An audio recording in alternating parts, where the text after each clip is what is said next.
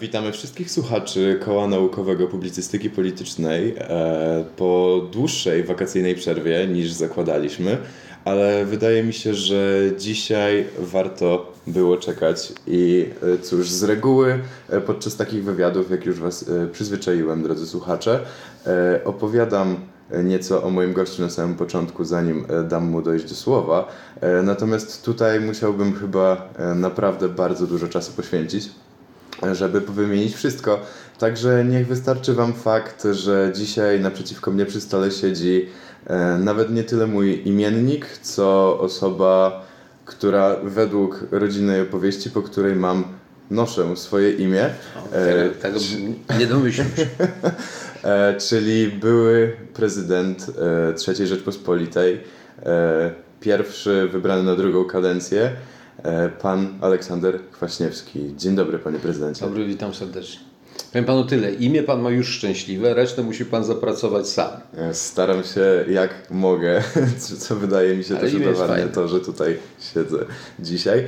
E, I tak, e, rzeczywiście przechodząc też i dla słuchaczy, i dla pana przez wszystko, co dzisiaj będziemy w miarę poruszać, na początku wydaje mi się, że zanim odpłyniemy w jakieś takie bardziej rozważania do tyłu, to jednak będziemy troszkę też rozmawiać o polityce bieżącej, ponieważ jest to takie no cóż, najbardziej palące. Ale najpierw, e, żeby nam się zaczęło dobrze rozmawiać, to mam takie e, pytanie, można powiedzieć rozgrzewkowe. E, czyli jak w zasadzie wygląda bycie prezydentem na emeryturze? Może zupełnie inaczej niż bycie prezydentem, bo prezydentura to jest takie właściwie całodobowe występowanie na scenie. No, można się na chwilę schronić, żeby, żeby się przespać, ale właściwie od rana do, do, do, do, do późnych godzin nocnych to, jest, to są jakieś wydarzenia, w których się bierze udział, dokumenty, które trzeba przeczytać, rozmowy, które trzeba przeprowadzić, decyzje, które trzeba podjąć. To jest niezwykle wyczerpujący, ale fascynujący czas, no bo rzeczywiście tworzy się politykę, tworzy się historię. Natomiast po prezydenturze jest inaczej, no bo nie ma już tego napięcia korzysta się z tych doświadczeń, które się zebrało, z kontaktów, które również miały miejsce, więc y, to życie nie jest emeryckie bynajmniej, no ale jest inne. To znaczy ja mam wykłady w różnych miejscach świata, jestem w kilku radach doradczych, y, jestem zapraszany na różne konferencje. Teraz znowu tych zaproszeń jest więcej ze względu na Ukrainę, a ja zawsze i w czasach przedprezydenckich, prezydenckich i później zajmowałem się Ukrainą. Yy, wie pan, kiedyś siedzieliśmy z Clintonem, który też już był byłym prezydentem, w jego ulubionej restauracji w Waszyngtonie, Cafe Milano. No i tak zaczęliśmy się zastanawiać właśnie, co to jest ten były prezydent. I wpadliśmy na takie dwa, dwie definicje. Pierwsze, że prezydent, były prezydent, to jest taki jednoosobowy NGO, organizacja pozarządowa. A drugie, to, że takie uczucie byłego prezydenta to jest taka mieszanka, w angielsku to lepiej brzmi liberation and frustration. Nie? Liberation dlaczego? No bo jesteś w końcu wolnym człowiekiem, robisz co chcesz, spotykasz się z kim chcesz nie? i to jest piękne. A dlaczego frustration? No bo niestety trzeba oglądać swoich następców. I często jesteś przekonany, że wiele rzeczy zrobiłbyś lepiej, skuteczniej i tak dalej, i tak dalej. Więc to w takim stanie ducha pewno przeżywa się pierwsze lata po prezydenturze, tej właśnie liberation and frustration, a później to się wszystko normalizuje, no bo człowiek wchodzi w swój rytm. Ja jestem cały czas aktywny, mam swoją własną fundację, jest tutaj moje biuro byłego prezydenta, mam spotkania, mam wyjazdy, mam zaproszenia, mam wiele kontaktów międzynarodowych. Jeżeli powiem Panu, że w tym roku zdążyłem być i, i, w Portugalii z jednej strony, i w Kanadzie, i w Uzbekistanie, i oczywiście na Ukrainie, i, i w Berlinie, i w Paryżu, i w Brukseli, i we Włoszech, i w Hiszpanii, i tak dalej. I to wszystko z jakimiś właśnie wykładami czy, czy spotkaniami, no to, to, to jest całkiem aktywne życie. No jak najbardziej. To w sumie y, jest taki czas dla siebie? Jest przestrzeń na czas dla siebie? Jakieś hobby, coś tego typu? Nie, to musi być. Wie pan, ja w, w, także w czasach prezydenckich uważam, że tak wyzbyć się zupełnie życia prywatnego i hobby to byłaby katastrofa, bo, bo wyjałowiłoby to człowieka. Jakiś taki, musi być moment relaksu, musi być moment złapania dystansu do tego, co się dzieje. Myślę, że właśnie wielu e, polityków, to niech pan to kolegom powtórzy, niech to zabrzmi jak przestroga, e, tak wchodzą w politykę, że polityka staje się całym życiem. I to jest błąd. Dlatego, że e, trzeba mieć inne środowisko niż polityczne, żeby ktoś z odległości skomentował to, co my robimy na przykład. Dlatego ja bardzo sobie ceniłem takie spotkania z przyjaciółmi, z, jak byłem prezydentem, którzy zajmowali się na przykład kulturą, czy, czy byli z wyższych uczelni, zajmowali się nauką, naukami technicznymi, bo nagle mówił ktoś, kto mówił po pierwsze innym językiem, nie tym, tym politycznym, a dwa, miał takie świeże spojrzenie, nawet jeżeli to spojrzenie czasami było naiwne, czy, czy nie do końca takie głębokie. Więc y, trzeba zachować taką właśnie taki azyl. Na no, hobby jest potrzebne, żeby właśnie zupełnie nie, nie, nie, nie wyjałowić, żeby już tylko nie była polityka, polityka. Dla mnie to zawsze były książki, y, dobry film i sport. A sport jeszcze dodatkowo jest ważny dla polityka, no bo jednak utrzymuje w jako takiej kondycji fizycznej, co, co jest bardzo istotne. No, rozumiem. A y, dobry film, czyli jaki na przykład? To wie pan, ja nie jestem zwolennikiem na przykład y, science fiction, to, to nie jest dziedzina, która mnie interesuje, ale dobry film y, historyczny, czy dobry dramat, y, czy dobra też komedia, wie pan, no dobra to jest oczywiście umowne słowo, no, ale, ale, ale mniej więcej wiemy, no. Zawsze jak była lista filmów do Oscara, to starałem się, do dzisiaj staram się obejrzeć jeszcze zanim jest decyzja Oscarowa, dlatego to są zazwyczaj dobre filmy. Niektóre wybitne, niektóre tylko bardzo dobre, ale zawsze to jest ta górna półka. No i później zastanawiałem się, któremu filmowi ja bym dał tego Oscara i często to się zgadza nawet. Więc y, y, takich filmów szukam. No, wie pan, w przeszłości, jak chodziłem, jak jeszcze byłem młodym człowiekiem, w pana wieku, jak chodziłem do kina, i jeżeli chodziłem bez dziewczyny, czy, czy jakimś, bo jak z dziewczyną, to, to film nie był tak ważny, ale e, jak się chodziło rzeczywiście na film, a nie do kina tylko, to y, uważałem, że nawet jak film jest marny czy słaby, to trzeba go obejrzeć do końca, no bo jakoś tak wypada.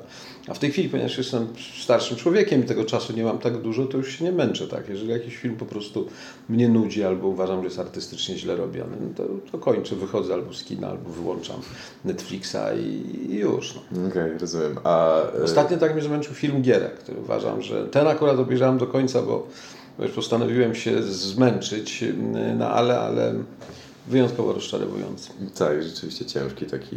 Nie, źle zrobiony, prawda? nieprawdziwy w sensie całej epoki, którą przedstawia. No prawda, a mm, to w takim razie, a muzycznie coś też? Może? Muzycznie powiem, przyznam się panu, to jest nawet głupio mi o tym mówić, bo w tej chwili jestem w rodzinie, gdzie wszyscy muzyką się bardzo interesują. Mój zień zajmuje się nią zawodowo, Kuba Bada. Moja córka pisze teksty piosenek i też jest bardzo umuzykalniona, moja żona też. A ja jestem taki, w który właściwie muzykę mm, potrzebuję jako tło. Znaczy, moja rodzina śmieje się, że jestem zwolennikiem tej, tej, tej lift music, czyli tej, co to się w, w, w windzie gdzieś tam gra i, i nikt o niej nie pamięta.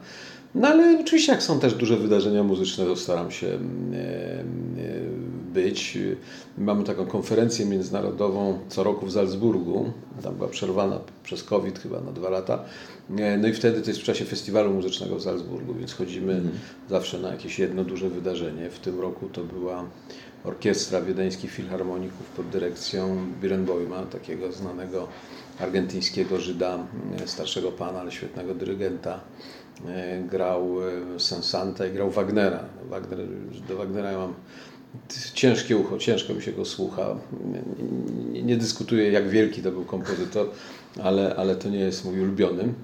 Także tak, no. natomiast nie jestem fanem muzyki od razu. Okej, okay, czyli na przykład e, jakbym Pana spytał, czy słucha Pan rapu, to tak średnio, nie? Rapu słucham z innego względu. Raz, że moje dzieci mnie przekonały, że są takie występy rapu, które warto posłuchać i, i, i czasami z nimi wysłucham i jestem pełen podziwu dla tych e, autorów, którzy de facto uprawiają taką muzyczną publicystykę polityczną. To, to, jest, to jest fascynujące.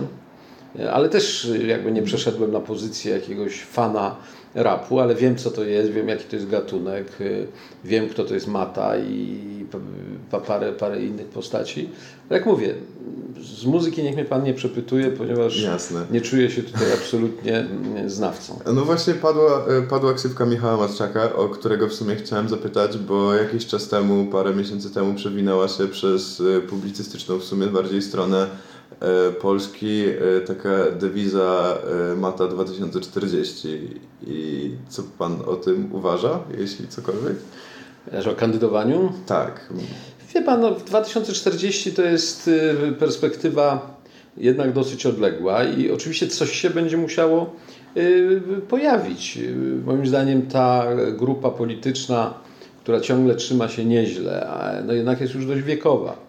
Y, my przeżywamy taki typowy dla okresów przełomu i potem czas właściwie no, generacji, która ciągle jest przy władzy. W 1989-90 roku swoje kariery polityczne przecież tak naprawdę, oczywiście na różnych poziomach, ale rozpoczął Jarosław Kaczyński i, i Donald Tusk i, i, bardzo wiele osób, które, które ciągle na tych szczytach politycznych są i to się musi zmienić. Ja sądzę, że to, to będzie się wyczerpywać już w czasie najbliższych może wyborów nie, ale kolejnych na pewno, czyli to już będzie 2025-2030. No i później musi się pojawić y, generacja tych 30-paro, 40, 40-parolatków, czyli tych milenialsów, mówiąc mm. szczerze, tych, którzy się urodzili gdzieś tam na przełomie wieków, czyli którzy już nie będą pamiętać ani okrągłego stołu, ani pierwszego okresu transformacji ustrojowej w Polsce. Ale czy to będzie mata? Zobaczymy. No, każdy nosi buławę marszałkowską w plecaku, niech próbuje. No tak, bo ja tak w sumie pytam o tego matę, bo yy, no to jest jedna taka z pierwszych jawnych deklaracji w cudzysłowie z młodego pokolenia. E, I to jak reszta młodego pokolenia na to patrzy, to inna sprawa, ale tak po prostu e, rzeczywiście jest to taka sztandarowa pozycja tutaj. Mi się wydaje, tak mi się przynajmniej pozwolę powiedzieć i skonfrontować, czy nie wydaje się Panu, że Mata ewentualnie, jeżeli rzeczywiście będzie w tym 2040 roku e, kandydował, to czy to nie będzie taki case Pawła Kukiza drugi? No, może być, nie musi być, wie pan. No, z jednej strony mamy Kukiza, który na fali swojej popularności wszedł do parlamentu, no ale jednak wielkim politykiem się nie stał. Z drugiej strony ma pan przykład Zełenskiego na Ukrainie, showmana, który no, wszedł do polityki. Oczywiście wojna bardzo jakby przyspieszyła jego dojrzewanie polityczne, no, ale uczyniła go postacią historyczną. Więc y, tu nie ma recepty. Ja tylko powiem jedno, jeżeli Mata chciał poważnie myśleć o tym, że y, prezydentury nie da się wyłącznie wyśpiewać czy wyrapować. Mm. To musi być jednak związane z budowaniem czegoś wokół, no, z, jednak y, z zorganizowaniem grupy ekspertów, którzy się znają na sprawach konkretnych. Zarządzanie, ja to zresztą Zełenskiemu powiedziałem, jak on jeszcze kandydował na prezydenta, myśmy się znali wcześniej z tego okresu jego kabaretowego a mówię, słuchaj, ty musisz wiedzieć, że łatwiej robić sobie żarty z polityki niż politykę. Mhm. To jest ta zasadnicza różnica. Tam macie powiedzieć, łatwiej robić, śpiewać o, o polityce, rapować o polityce, a, a trudniej ją robić, bo to wymaga jednak pewnego niezbędnego profesjonalizmu i wszystkim to jest praca zespołowa, czyli też trzeba dysponować ludźmi, którzy się będą znali na podatkach, na, na ekologii, na energetyce, na transporcie, dziesiątki dziedzin, to jest całe życie społeczne i gospodarcze, więc y, ale czasu jest dużo. Mhm. Dzisiaj mamy rok 22, do 40 jest 18 y, lat. No to no tak. przez 18 lat to można naprawdę stworzyć wszystko. No tak. Y, w sumie tak jeszcze już kończąc, już całkiem kończąc ten temat i przechodząc gdzieś dalej. Ale widzę, że zafrapowała Pana ta propozycja maty, że żeby kandydować. Spodobało się to Panu? Nie, właśnie nie, nie, ponieważ też jednak uważam to, co większość moich kolegów jakoś tam bardziej lub mniej świadomie zaangażowanych politycznie, że Mata jest dosyć błędnie nazywany głosem naszego pokolenia przez A, no e, takich e, bardziej ludzi, którzy by chcieli, żeby on był głosem pokolenia bardziej niż mm. tak obserwacją zjawiska, bo mimo wszystko takie no, za przeproszeniem sfery warszawskiej jednak mimo wszystko Mata prezentuje, a, a, a tego młodzież jakoś tak, przynajmniej jakoś taka nie z Warszawy niekoniecznie poszukuje w sumie w reprezentancie. Dobrze, interesująca opinia. E, natomiast właśnie jeszcze ostatnia rzecz, no Mata wybija swoją popularność przede wszystkim na, przejść jakąś taką bardziej pozamuzyczną, na kwestii e, marihuany. E, I takie pytanie oczywiście nie musi Pan odpowiadać, jak nie. E, czy jakby był Pan urzędującym prezydentem jeszcze, e, bądź powiedzmy, no bo 10 lat temu, e, przepraszam, 20 lat temu to się nie dało, ale powiedzmy dziś teraz, czy popierałby Pan depenalizację przynajmniej? Tak, zdecydowanie tak, tak. Zresztą wie Pan, ja jestem członkiem takiej grupy międzynarodowej, która zajmuje się właśnie tą zmianą polityki mhm. narkotycznej, ponieważ myśmy wyszli z przekonania, że ta polityka, która została narzucona przez Stany Zjednoczone jeszcze w okresie Nixona, czyli jest właściwie lata 70., końcówka 60., czyli zero tolerancji, walka z y, narkotykami, włącznie z marihuaną, więzienia i tak dalej, nie przyniosła żadnego efektu. W więzieniach mamy coraz więcej ludzi, którzy są za to tam wsadzani i więcej, więzienia są miejscem, gdzie spożycie tych narkotyków jest ciągle bardzo wysokie, więc to, to, jest, to jest zamknięte koło i w moim przekonaniu y, Zresztą są już kraje, które poszły na mocną liberalizację kwestii marihuany, czy, czy Szwajcaria, czy Holandia, czy Kanada właśnie i tak dalej. Y, Urugwaj no to zupełnie zliberalizował tą politykę i ja myślę, że to stanie się szybciej niż nam się zdaje. To znaczy, że marihuana oczywiście sprawdzona, y, którą sprzedawać się będzie w konkretnych miejscach, ale która będzie no, niegroźna, bo nie, nie pozbawiona tych wszystkich fałszerstw, które często mają miejsce, będzie, będzie dostępna. Oczywiście cała rzecz będzie kwestią też edukacji, tłumaczenia ludziom, ale to samo dotyczy papierosu, to samo dotyczy alkoholu, mm. że, że z umiarem to może być nawet pomocą w różnych takich stresach psychicznych tak dalej, natomiast y, kiedy nie używa się tego z przesadą, to może prowadzić do uzależnienia i do wszystkich konsekwencji. Ale jak chce Pan mnie zapytać o wizję, to uważam, że marihuana będzie dostępna także w Polsce, a gdy chodzi o to, co bym zrobił, gdybym prezydentem, to zacząłbym od e, istotnego zdepenalizowania tej kwestii i jednocześnie, no, na szczęście już wprowadzono możliwość korzystania z marihuany medycznej, co jest bardzo ważnym krokiem naprzód i bym przygotowywał się pomału do znalezienia sposobu na to, żeby, żeby jednak marihuana była dostępna. No okay. bo my w tej chwili zamykamy oczy. No, wiemy, że ludzie używają marihuany tak. no i wiemy, że jest to dosyć popularne wśród młodzieży i trochę jako taki owoc zakazany. Moim zdaniem to jest bardziej niebezpieczne, no bo też jakość tego jest bardzo różna. No tak, dobra. I od razu chcę powiedzieć, że sam nie, nie, nie palę marihuany, więc mówię to jako no, przedstawiciel tego pokolenia, które rozumie, rozumie ten problem. Okej, okay, dobra, to zostawmy może już to e, ze sobą, te gdybania o przyszłości, a zajmijmy się może E, czymś, co się dzieje teraz. E, ewentualnie jeszcze tak zachodząc troszeczkę e, na przyszłość, mianowicie ostatnimi czasy, bo jakby pan jest pierwszym w trzeciej RP prezydentem wybranym na drugą kadencję, ale nie jedynym, bo udało się to też panu tak. prezydentowi obecnemu, Andrzejowi Dudzie.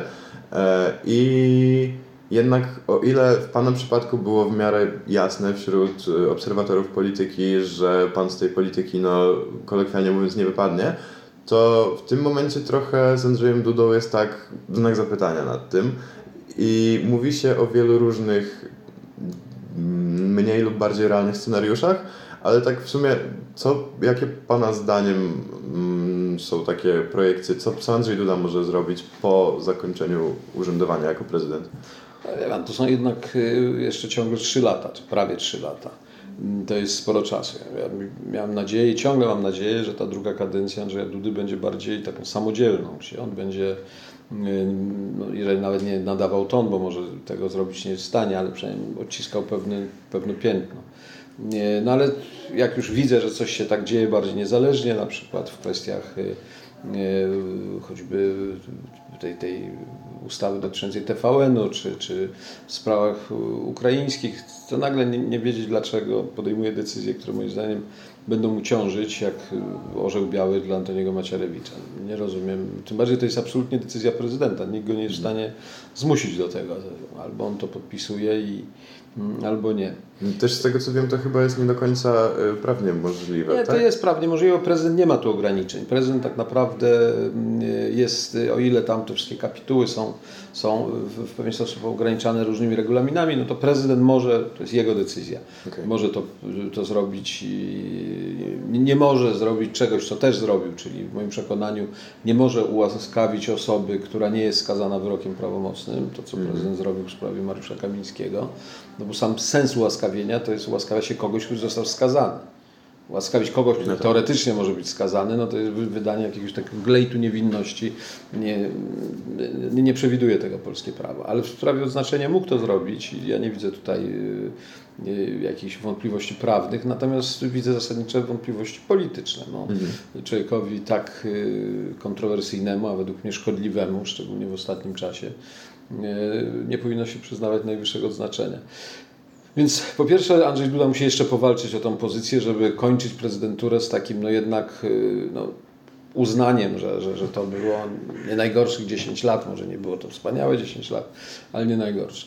I mm, co może zrobić potem? No ja myślę, że mm, y, on będzie szukał jakiegoś miejsca w różnych strukturach międzynarodowych. Y, nie sądzę, żeby było zapoczątkowane, znaczy na pewno będzie trudno mu znaleźć to miejsce w strukturach Narodów Zjednoczonych, dlatego że tam ciągle Rosja dysponuje prawem weta. Więc no tak. E, żaden Polak, nie tylko czy Duda, to, żeby tam nie wiem kto był, to, to, to, to niczego w tej chwili w strukturach ONZ-owskich na wysokich szczeblach nie zrobi. Na tych szczeblach wykonawczych, gdzie są różne parytety, oczywiście to może być. Czy przy doświadczeniach e, tych ukraińskich, tego co się dzieje, on może jakąś rolę odegrać bliżej struktur natowskich, czy w jakichś think tankach związanych z kwestiami NATO i Ukrainy? Pewno może, no bo to jest czas, w którym w sposób naturalny Andrzej Duda zdobywa taką unikalną kompetencję w sprawach, w sprawach ukraińskich, no bo mhm wszyscy w tej chwili jadąc na Ukrainę przejeżdżają przez Polskę, więc on też ma możliwość rozmowy z tymi ludźmi. To, to bardzo rozszerza horyzonty.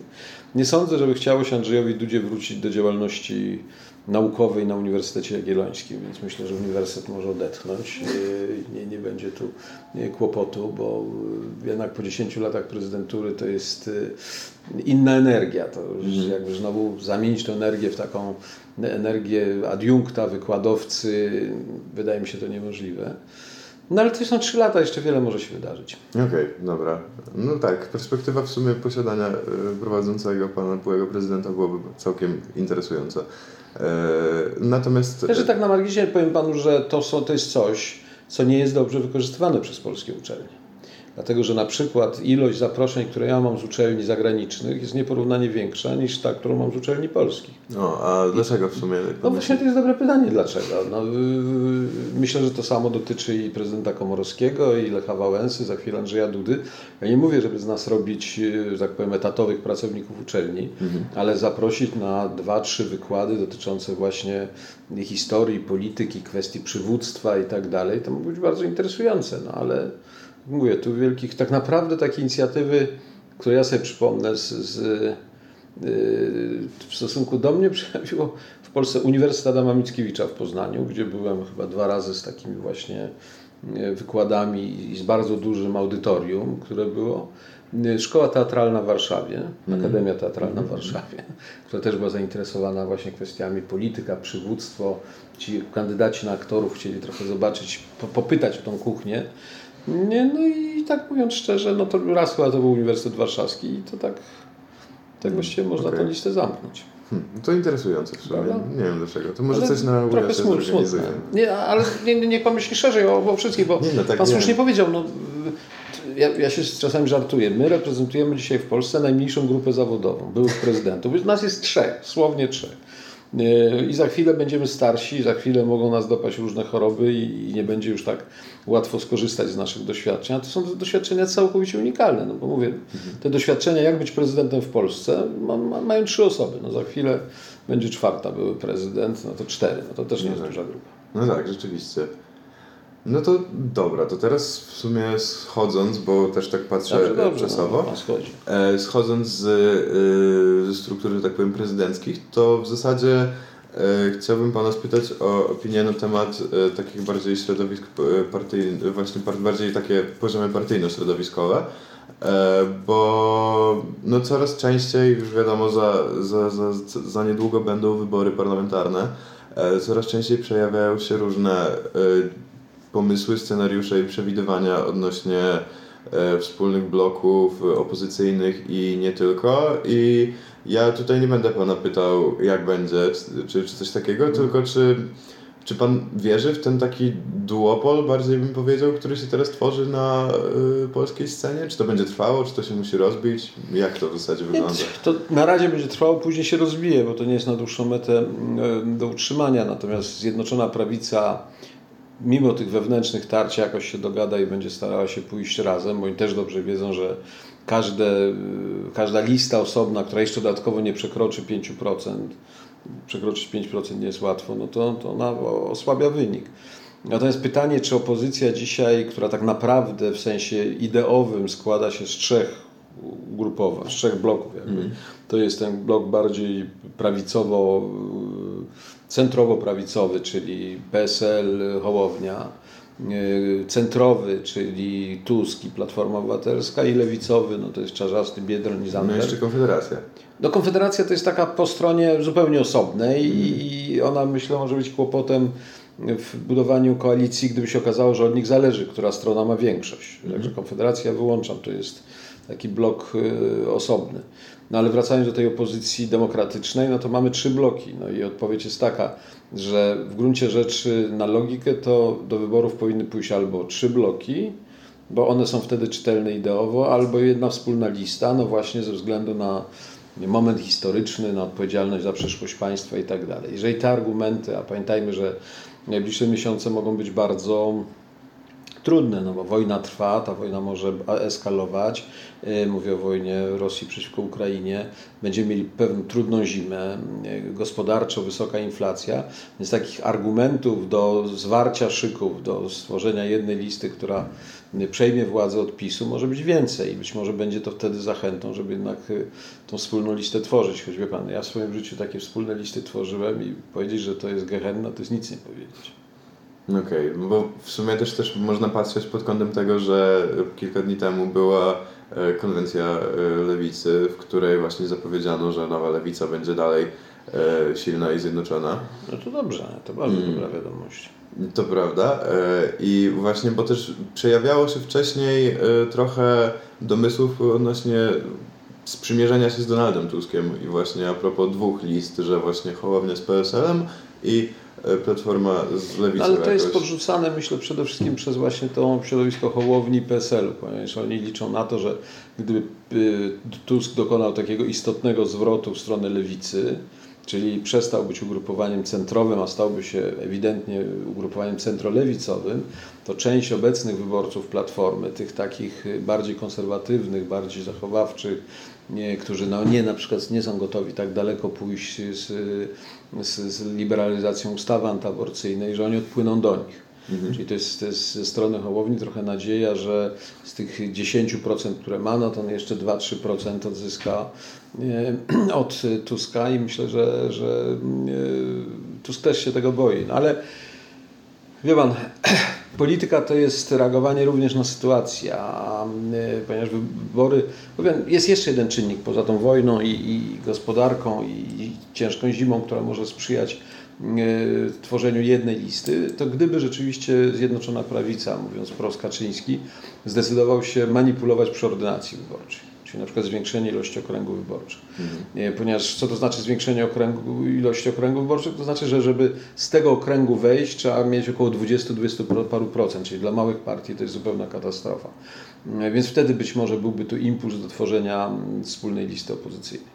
Rozumiem. Aha, no, no tak, no generalnie tak, rzeczywiście ta, ta, takie rzeczy też się y, przewijały, chociaż ostatnimi czasy ucichły odnośnie tych, tak mi się wydaje, tych... No dlatego, że sam Kaczyński się przestraszy, bo wie Pan, taka manipulacja może spowodować, że wygra się, ale też można przegrać, bo rzeczywiście jeżeli on kalkuluje w ten sposób, że dobra, pójdziemy, no bo gdyby przyjąć, że opozycja będzie rozbita jak teraz, to oczywiście y, Zjednoczona Prawica, która we wszystkich sondażach ma przewagę około 5, 8 do 10 punktów nad następną partią, wygrywa w tym okręgu i bierze większość mandatów. Dla partii typu Hołownia, Lewica, Konfederacja nie ma szans. Idąc osobno, w żadnym z tych 100 okręgów nie wzięliby mandatu.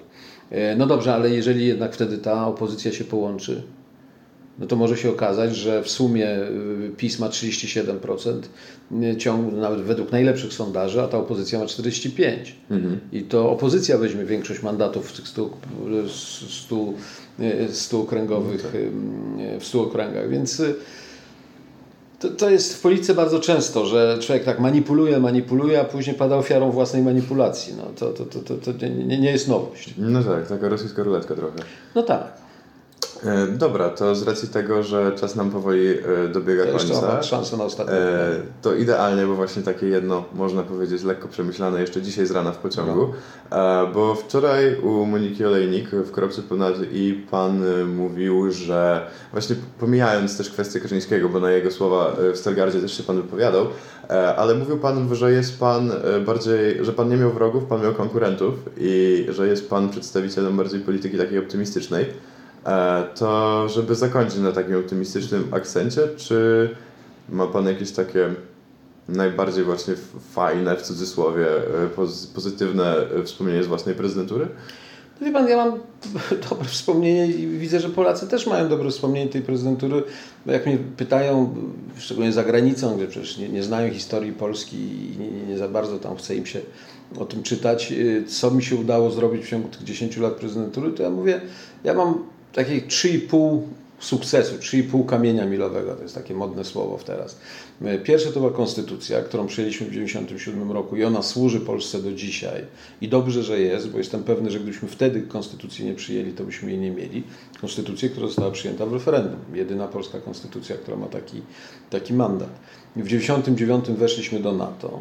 I proszę sobie wyobrazić, co by było, gdybyśmy nie weszli wtedy do NATO. Jak byśmy się dzisiaj czuli? Bylibyśmy naprawdę przerażeni, dlatego że główna odpowiedź na, na to, czy Polska jest zagrożona, czy nie, jest taka, nie jesteśmy zagrożeni. Oczywiście poziom bezpieczeństwa w Polsce jest dziś mniejszy niż był 5 lat temu, ale zagrożeni nie jesteśmy, bo jesteśmy w NATO. I, I, dzisiaj, jeżeli Putin chciałby uderzyć w jakikolwiek obiekt w Polsce, no rozpoczyna wojnę nie z Polską, tylko z NATO. I tą wojnę przegra, bo jak widzimy jakość wojsk rosyjskich, to nie mają szansy wygrać z NATO.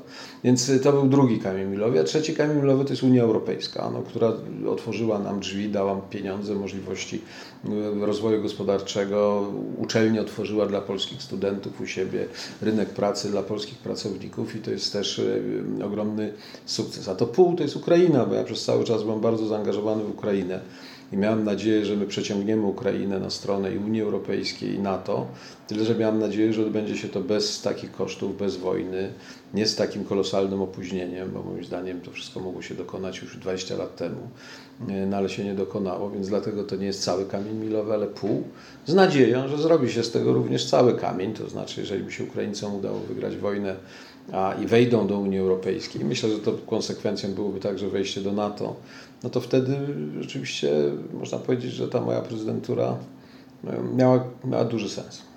Myślę, że i tak miała generalnie. No tak, ale tak się mi brakuje tego ostatniego elementu. Jasne. No to pozostaje tylko życzyć tego, żeby ten ostatni akord został zagrany. No tak. Razie. Pomagam temu jak mogę. Jestem bardzo aktywny, bywam na tej Ukrainie. Prowadzimy różnego rodzaju think tanki, konferencje. Przekonujemy Zachód, że Ukrainy nie wolno zostawić, że oni muszą utrzymywać cały czas pomoc, bo Prawda jest taka, oni tą wojnę mogą wygrać, znaczy wygrać w tym sensie, że doprowadzić przynajmniej do wypędzenia wojsk mm, rosyjskich na te tereny sprzed 24 lutego. Oczywiście Ukraińcy chcą więcej, no ale to już byłaby jakaś szansa na rozpoczęcie myślenia o, o jakichś porozumieniach pokojowych. Ale oni mogą to zrobić tylko i wyłącznie, jeżeli Zachód, a szczególnie Stany Zjednoczone, będą naprawdę wspomagać ich militarnie nowoczesną bronią. A co jest dobre, że przez te miesiące Ukraińcy pokazali, że oni wiedzą, jak z tego korzystać. Tam nic nie jest zmarnowanego. Także oni się bardzo szybko uczą, są bardzo bitni. No i, i oby, obyśmy rzeczywiście któregoś dnia mogli powiedzieć, że, że Putin został no, ukarany za tą swoją imperialistyczną politykę, ale, ale to wymaga naszej solidarności, pomocy dla Ukrainy. No tak. No to myślę, że tym akcentem właśnie takim... Może mało optymistycznym, ale... ale no, wydaje mi się, że dającym tak. mimo wszystko taką całkiem e, nadzieję i jednak powód do tego, żeby coś tam E, robić. E, I tak, rzeczywiście będziemy już żegnać naszych słuchaczy. Ja ze swojej strony i, i z ramienia jakby zarówno uczelnianego, jak i swojego własnego, prywatnego bardzo Panu dziękuję za dzisiejsze spotkanie. Panie Aleksandrze, ja również dziękuję Panu, Pańskim kolegom z Koła Naukowego, studentom UJ-u i słuchaczom i życzę wszystkiego dobrego. No to z tymi życzeniami Was, kochani, zostawiam i do usłyszenia.